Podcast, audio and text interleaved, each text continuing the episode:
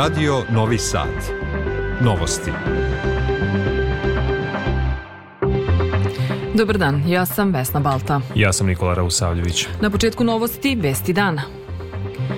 Predsjednik Vučić u Tirani na prvom samitu Ukrajina, Jugoistočna Evropa. U Zvečanu i Štrpcu skupovi zbog teške situacije nakon odluke Prištine o ukidanju dinara. Srbija nastavlja primenu preporuka Kancelarije OEPS-a za demokratske institucije i ljudska prava, poručila premijerka Brnabić. U sukobu Izrela i Hamasa do sada poginulo gotovo 30.000 palestinaca. U novostima ćemo govoriti i o problemima i unapređenju poslovanja zadruga u Vojvodini. Večeras će u Novom Sadu u okviru festa biti prikazan film Jorgovani. U Vojvodini sutra promenljivo oblačno i toplo za ovo doba godine s temperaturom do 19 stepeni. Toliko je sada i u Novom Sadu. U Tirani se održava prvi samit Ukrajina jugoistočna Evropa na kojem učestvuju lideri zemalja jugoistočne Evrope kao i evropski zvaničnici, a našu zemlju predstavlja predsjednik Aleksandar Vučić. Prvog dana samita usaglašen je predlog zajedničke deklaracije u kojem su uvaženi zahtevi Srbije, a predsjednik Vučić sastaće se i odvojeno sa ukrajinskim predsjednikom Volodimirom Zelenskim, koji ga je zajedno s domaćinom Edijem Ramom dočekao u Tirani. Detaljnije Miljana Kočić.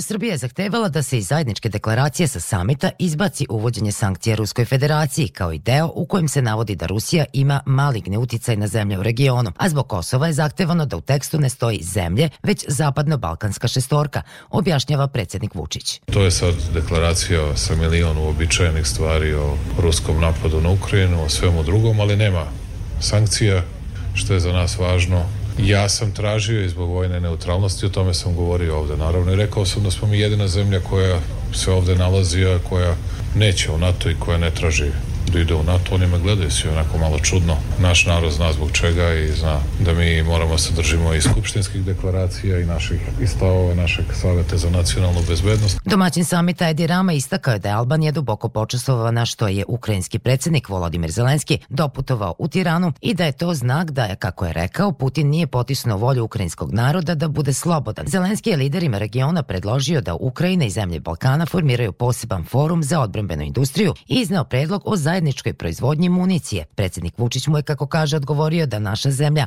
mora da napravi sobstveni plan naoružavanja poput povećane proizvodnje najtraženije raketne artiljerije. Recimo mi pokušavamo da od sledeće godine proizvedemo od kalibara od 122 do 155 mm da budemo u stanju da proizvedemo oko 94.000 komada. Ako sagledate podatke, Šolc je najavio da bi Nemačka trebalo takve municije da proizvodi 200.000 komada kao veliki uspeh. Ako jedna Srbija bude u stanju da gotovo samo upola manje od najmoćnije u Evropi Nemačke proizvede, onda vam je jasno da u tim okvirima nismo tako mali. Ja razumem predsednika Zelenskog, čovjek bori se za svoju zemlju i traži što je moguće da dobije za nas. Zemlje koje su u ratu nisu dozvoljeni end user, Ukrajini danas nije lako, a kad je reč o našim slovenskim prijateljima, stalno imamo u vidu da ta zemlja poštuje naš teritorijalni integritet, ističe Vučić. Kako je najavio, još večeras će u Tirani početi sastanci u okviru regionalnog samita o planu rasta i konvergencije, gde će se govoriti o postepenom uvođenju jedinstvenog tržišta i sprovođenju plana rasta. U Zvečanu i Štrpcu održani su skupovi građana zbog teške situacije nakon odluke Prištine o zabrani upotrebe dinara na Kosovu i Metohiji. Građani su se okupili kako bi ukazali na to da zbog te odluke Prištine ne uspevaju da podignu novac.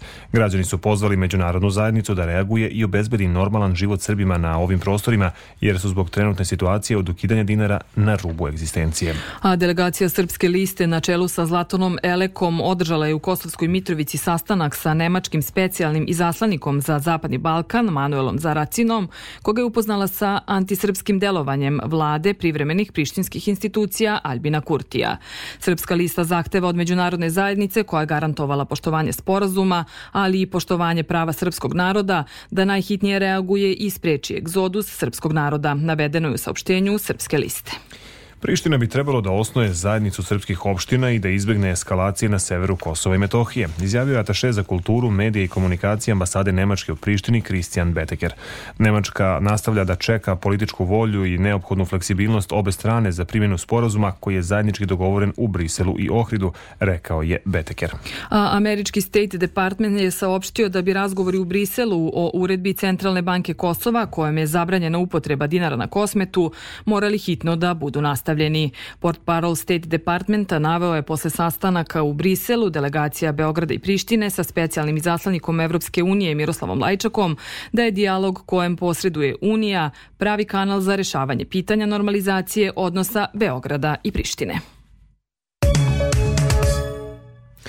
Preporuke iz konačnog izveštaja Kancelarije OEBS-a za demokratske institucije i ljudska prava pokazuju da su izbori održani 17. decembra u Srbiji bili fair, pošteni, transparentni i u skladu sa demokratskim normama, istakla je na konferenciji za novinare u vladi Srbije premijerka Ana Brnabić. Opširnije Vladimir Radojković. U reagovanju na konačan izveštaj Odira o izborima zaključke vlade prenosi premijerka Ana Brnabić. Konstatuje da je broj preporuka za unapređenje izbornog procesa u Srbiji manji nego u prethodnom izveštaju.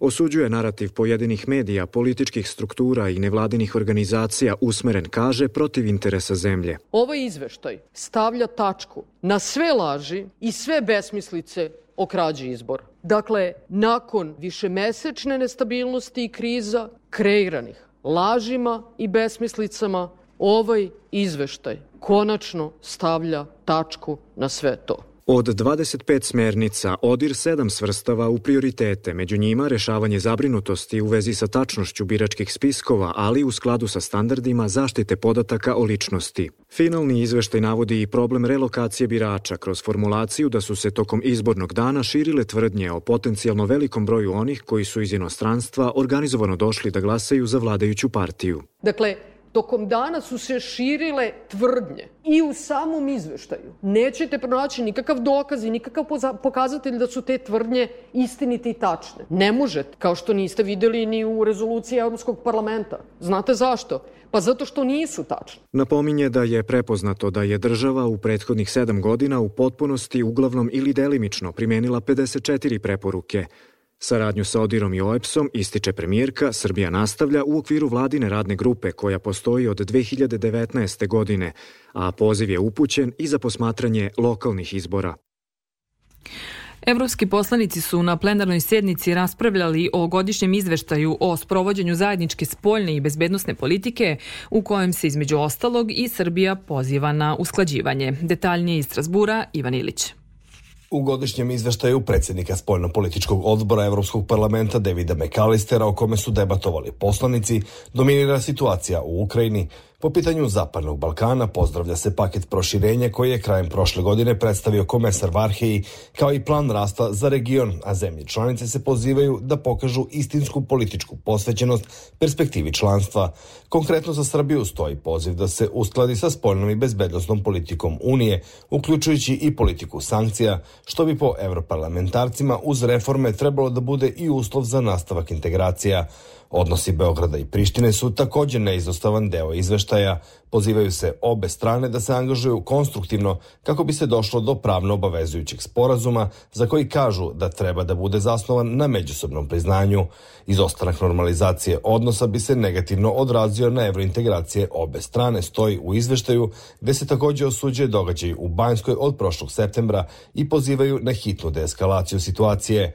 Dalje traže od komisije i saveta da preduzmu mere ukoliko se dokaže direktna umešanost srpskih vlasti ili nespremnost da u potpunosti sarađuju i na kraju žale zbog mera uvedenih Kosovu i pozivaju na njihovo ukidanje. O ovom izveštaju poslanici će glasati na popodnevnoj sesiji negde oko 17 časova. U nastavku novosti vesti iz sveta. Palestinska grupa Hamas javlja da je njen ogranak u Libanu ispalio 40 raketa na sever Izrela. Ministarstvo zdravlja u Gazi, koje je pod kontrolom te grupe, ističe da je od 7. oktobra u izraelskim napadima stradalo ukupno 29.950 palestinaca. Američka vojska saopštava da je oborila pet dronova jemenskih huta u Crvenom moru. Sa druge strane, huti tvrde da mogu da preispitaju napade tek kada stanu izraelska agresija i opsada Gaze. A nastavljanje i rat u Ukrajini u Kijevu tvrde da su oborili 10 ruskih dronova, a ruska Nemačka PVO saopštava da je uništila jedan ukrajinski iznad Belgoroda. Nemački kancelar je odbacio mogućnost da se trupe NATO-a nađu u Ukrajini. Kremlj upozorava da bi slanje vojnika NATO-a u Ukrajinu značilo i direktan sukob sa Rusijom. Ruski opozicioni lider Aleksej Navalni biće sahranjen u petak u Moskvi, izjavila je njegova portparolka Kira Jarmiš. Ona je navela da će opelo biti održano na Borisovskom groblju nakon oprošene ceremonije u okrugu Marino, objavio je BBC. Navalni je preminuo 16. februara u zatvoru gde je služio kaznu od 30 godina, između ostalog zbog, kako je navedeno u jednoj od presuda Ruskog suda, osnivanja i finansiranja ekstremističke organizacije i njenih aktivnosti, a bio je poznat kao oštar kritičar Kremlja. Slušate novosti Radio Novog Sada. Pripadnici Ministarstva unutrašnjih poslova u Bečeju uhapsili su 33-godišnjeg TH iz Beograda zbog sumnje da je počinio krivično delo ubistvo. Sumnja se da je sinoć u dvorištu kuće u Bačkom gradištu nožem usmrtio 30-godišnju nevenčanu suprugu, saopštila je policijska uprava u Novom Sadu. TH je zatim pokušao da pobegne, ali ga je policija pronašla i uhapsila. Određeno mu je zadržavanje do 48 sati i biće priveden uz krivičnu prijavu višem javnom tužiocu u Zrenjaninu, navedeno je u saopštenju. U koordinisanoj međunarodnoj zajedničkoj akciji istražnih timova Srb, Srbije, Grčke, Srpske, Grčke i Španske policije u Srbiji je ukopšeno šest osoba, u Španiji i Grčkoj po jedna osoba. Osumnjičeni su lišeni slobode zbog sumnje da su učestvovali u ubistvima Stevana Stamatovića i Igora Dedovića 19. januara 2020. godine u Atini i ubistvima Alana Kožara i Damira Hadžića 23. jula 2020. godine na Krfu, saopšteno je iz javnog tužilaštva za organizovani kriminal. Stamatović, Dedović, Kožar i Hadži su označeni kao pripadnici škaljarskog klana. Nakon što je kod učenika osnovne škole Vladislav Ribnikar u Beogradu pronađen nož, roditelji i učenici okupili su se ispred ulaza te škole i održali javni čas. Predsednik fonda B92 Veran Matić izjavio je za RTS da su đaci na Međunarodni dan borbe protiv vršnjačkog nasilja izašli kako bi iskazali svoj protest jer je drugi put za mesec dana kod istog učenika otkriven nož. To se dogodilo po drugi put u poslednjih mesec dana i dakle posle toga usledile intervencije i policije i škole. Mislim da su roditelji nezadovoljni e, obećanjem, nisu dobili pisano obećanje da će e, učenik koji je doneo nož zaista pohađati online nastavu, osjećaju se uznemireno i ovde je zaista jako važan ta brza reakcija i efikasna reakcija koja treba uvek da usledi u ovakvim situacijama. Oko 92% ispitanika smatra da je maloletnička delikvencija problem sa kojim se susreću zajednice, ali da je neophodno sniziti uzrast krivične odgovornosti maloletnika sa 14 na 12 godina, pokazuje najnovije istraživanje Centra za nestalu i zlostavljenu decu u Novom Sadu.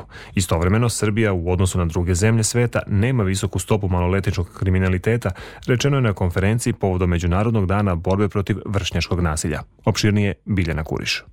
Analizirajući rezultate istraživanja stavovi javnosti prema maloletnim počiniocima krivičnih dela, u kojima je učestvovalo oko 4.500 ispitanika iz 17 okruga Srbije, Doktor političkih nauka i vođa istraživačkog tima Jovana Škorić rekla je da je poražavajuće što rešavanje maloletničkog nasilja javnost vidi u kažnjavanju, a ne u preventivnim merama. Istraživanje ukazalo na visok stepen netolerancije i netrpeljivosti građana Republike Srbije prema maloletnim počiniocima krivičnih dela. Vrlo mali broj ispitanika je pominjao zapravo e, da ta deca imaju kapacitet za promenu, da je potrebno raditi sa njima. Razlog za netolerisanje maloletničkog kriminaliteta profesor na Fakultetu političkih nauka Univerziteta u Beogradu dr. Aleksandar Jugović vidi u strahu društva koji je preplavio naše društvo posle majskih tragedija i tradiciji. Meni nekako govori da je u dobrom delu naše javnosti i dalje ovde prisutan jedan tradicionalni model gledanja na vaspitanje. Videli smo da neki od ispitanika decu u sukobu sa zakonom vide kao vidite bolesnog zločinca, smatraju da je u redu. Princip da je batina iz raja izašla ili da deca imaju samo prava, a ne i obaveze. Specijalni pedagog, bivši načelnik kazneno-popravnog zavoda za maloletnike u Valjevu, Slobodan Arsenijević, kaže da je trenutno pod nadzorom i na odsluženju kazne ukupno 220 maloletnika raspoređenih u vaspitnim ustanovama, vaspitno-popravnom domu u Kruševcu i maloletničkom zatvoru u Valjevu. Naredne minute u novostima posvećujemo poljoprivrednim temama. U Privrednoj komori Vojvodine predstavljen je elaborat o efektima konkursa Pokrinjskog sekretarijata za poljoprivredu na rad zadruga. Prema rečima nadležnih i zadrugara, to je dobar put za prepoznavanje problema i unapređenje poslovanja zadruga u Vojvodini. O tome Stevan Davidović. Elaborat je obuhvatio posljednjih pet godina poslovanja zadruga. Kako pokazuju podaci, upozorava predsjednica Zadružnog saveza Vojvodine Jelena Nestorov, veliki broj zadrugara zbog raznih ograničenja nije koristio novac iz pokrenjske kase. Upravo analiza tih ograničenja je bila suština ovog elaborata i ovaj, na osnovu njih smo sačinili predloge i preporuke e, kako u budućim konkursima napraviti takve uslove da zemljoradničke zadruge ravnomerno mogu konkurisati. Ja bih ovde istakla možda samo jedan jedan osnovni deo i to u kontekstu zadruga koje imaju veća gazdinstva, odnosno veće površine pod ratarskim usevima u odnosu na površine koje su predviđene konkursima, tako da više od 60 e, zemljoradničkih zadruga iz Vojvodine po ovom osnovu ne može da konkuriše i to je osnovni razlog što nisu konkurisale, a upravo su kod njih potrebe za investicijama ogromne. Da su nadležni spremni da koriguju uslove konkursa za podsticaje za drugarima, potvrdio je podsekretar u Pokrinjskom sekretarijatu za poljoprivredu Aleksandar Panovski. Nama je sada jasno gde smo i kako radili, gde eventualno možemo dakle, da poboljšamo naš rad. Dobili smo vrlo kvalitetne zaključke i preporuke. Neke od njih već sada možemo u kratkom roku da implementiramo kao što je pomenula koleginica Jelena u prethodnom izlaganju, to je dakle da razmotrimo i da uvrstimo već u ove nove konkursne linije koje predstoje dakle u toku marta meseca, da mogu učestvovati i zadruge koje raspolažu većim površinama pod ratarskom proizvodnjom. Pokrinjski sekretarijat za poljoprivredu radit će i na drugim sugestijama za drugara, zaključuje Panovski i podsjetio da nadležni za drugare prepoznaju kao bitan segment našeg agrara. Voćarima je sve teže da proizvedu kvalitetno voće kojim će zadovoljiti kriterijume trgovačkih lanaca po pitanju izgleda plodova, ali i sve strožih zahteva kada je reč o ostatku pesticida. Ovome će biti više reč u emisiji Agroargumenti koja je na programu od 16 časova i 10 minuta. Prema rečima Rajka Lazića iz kompanije Prima Biosolution, proizvođači voća sve više u proizvodnji pesticide zamenjuju takozvanim bioprotektorima. Oni postaju sve više i više e, značajni zato što je njihovo dejstvo sve moćnije, kako nauka napreduje. E, radi se o tome da e, današnji bioprotektori mogu da imaju približno dejstvo kao fungicidi i insekticidi, tako da cela nauka ide u tom pravcu i kako se ukidaju pesticidi sve više, bioprotektori će da im zauzimaju mesto. Nakon poljoprivrede o turizmu. Pokrinjski sekretar za privredu i turizam Nenad Ivanišević i državni sekretar u Ministarstvu turizma i omladine Uroš Kandić predstavili su u pokrinjskoj vladi uredbu koja se odnosi na unapređenje razvoja ruralnog turizma i ugostiteljstva. Izvojeno je više od 150 miliona dinara, a više o tome ko može da konkuriše saznajemo u prilogu Marka Brajkovića. Pravo na dodelu bespovratnog novca imaju seoska turistička domaćinstva, salaši i etno kuće evidentirani u informacionom sistemu e-turista za dogradnju, rekonstrukciju i dodatno opremanje postojećih ugostiteljskih objekata za smeštaj. Najveći podsticaj po projektu je 2 miliona i 900 hiljada dinara uz obavezu sobstvenog učešća u iznosu od 10% ukupne vrednosti investicije, objašnjava državni sekretar u Ministarstvu turizma i omladine Uroš Kandić. Pored toga što moraju imati učešće od 10%, moraju ispuniti još ne, nekolike uslove. To su standardni uslovi, dakle, ne smije imati nikakvih poreskih dugovanja, dakle, sve prema državi mora biti izmiron.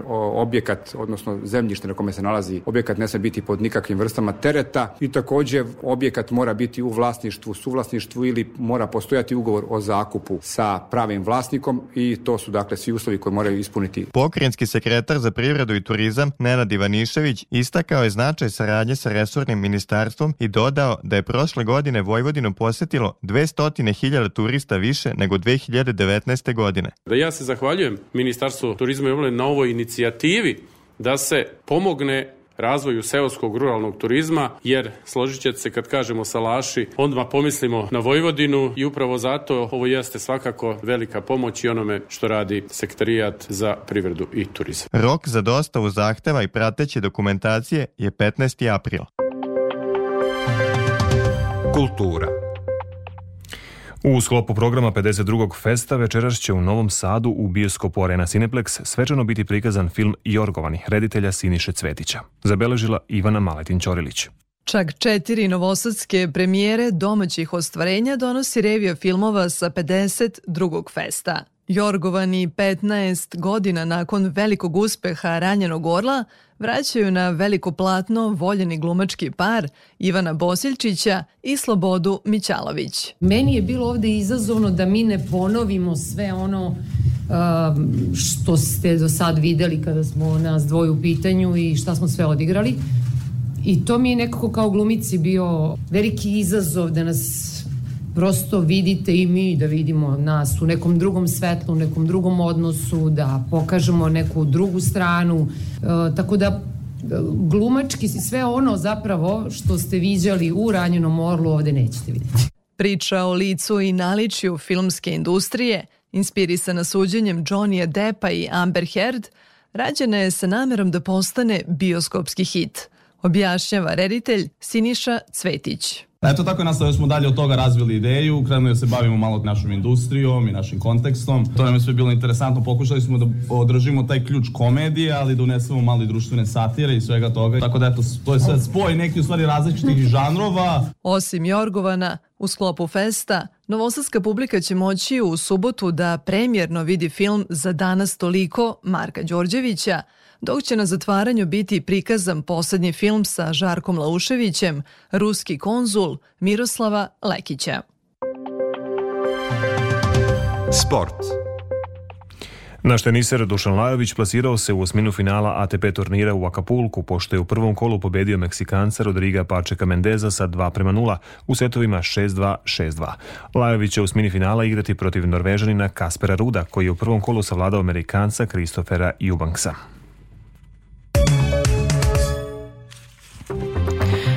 Pred kraj novosti još jednom vesti dana.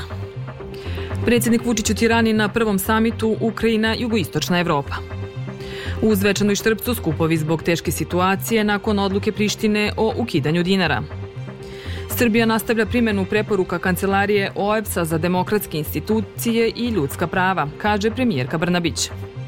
U sukobu Izrela i Hamasa do sada poginulo gotovo 30.000 palestinaca. Večeras u Novom Sadu u okviru festa će biti prikazan film Jorgovani. Kada je o vremenu reč u većem delu Vojvodine je delimično oblačno, u Novom Sadu, Kikindi i Sremskoj Mitrovici je 19 stepeni, dok je stepen manje u Zrenjaninu, Somboru i na Paliću. Sledi prognoza za naredne dane. U Vojvodini u sredu promenjivo oblačno i dalje toplo za ovaj period godine. U slab i umeren jugoistočni vetar koji će na jugu Banata imati olujne udare. Sredinom dana slaba kratkotrajna kiša moguće je ponegde u Sremu. Najniža temperatura od 7 do 11, a najviše dnevna od 17 do 19 stepeni. Tokom noći oblačno, ponegde sa slabom kišom uz dalje pojačanje jugoistočnog vetra. U Vojvodini se do kraja sedmice zadržava promenjivo oblačno topo vreme za ovaj period godine. Za Radio Novi Sad, meteorolog Miodrag Stojanović. Slušali ste novosti prvog programa radija Radio Televizije Vojvodine. Novosti tonski realizovao Boris Đuranin, producenti Branislava Stefanović i Zoran Bečejac. Pred mikrofonom bili Vesna Balta i Nikola Rausavljević. Ostanite uz naš program od 15 časova i 30 minuta sledi emisija Radio Sport. Hvala na pažnji i prijatan ostatak dana.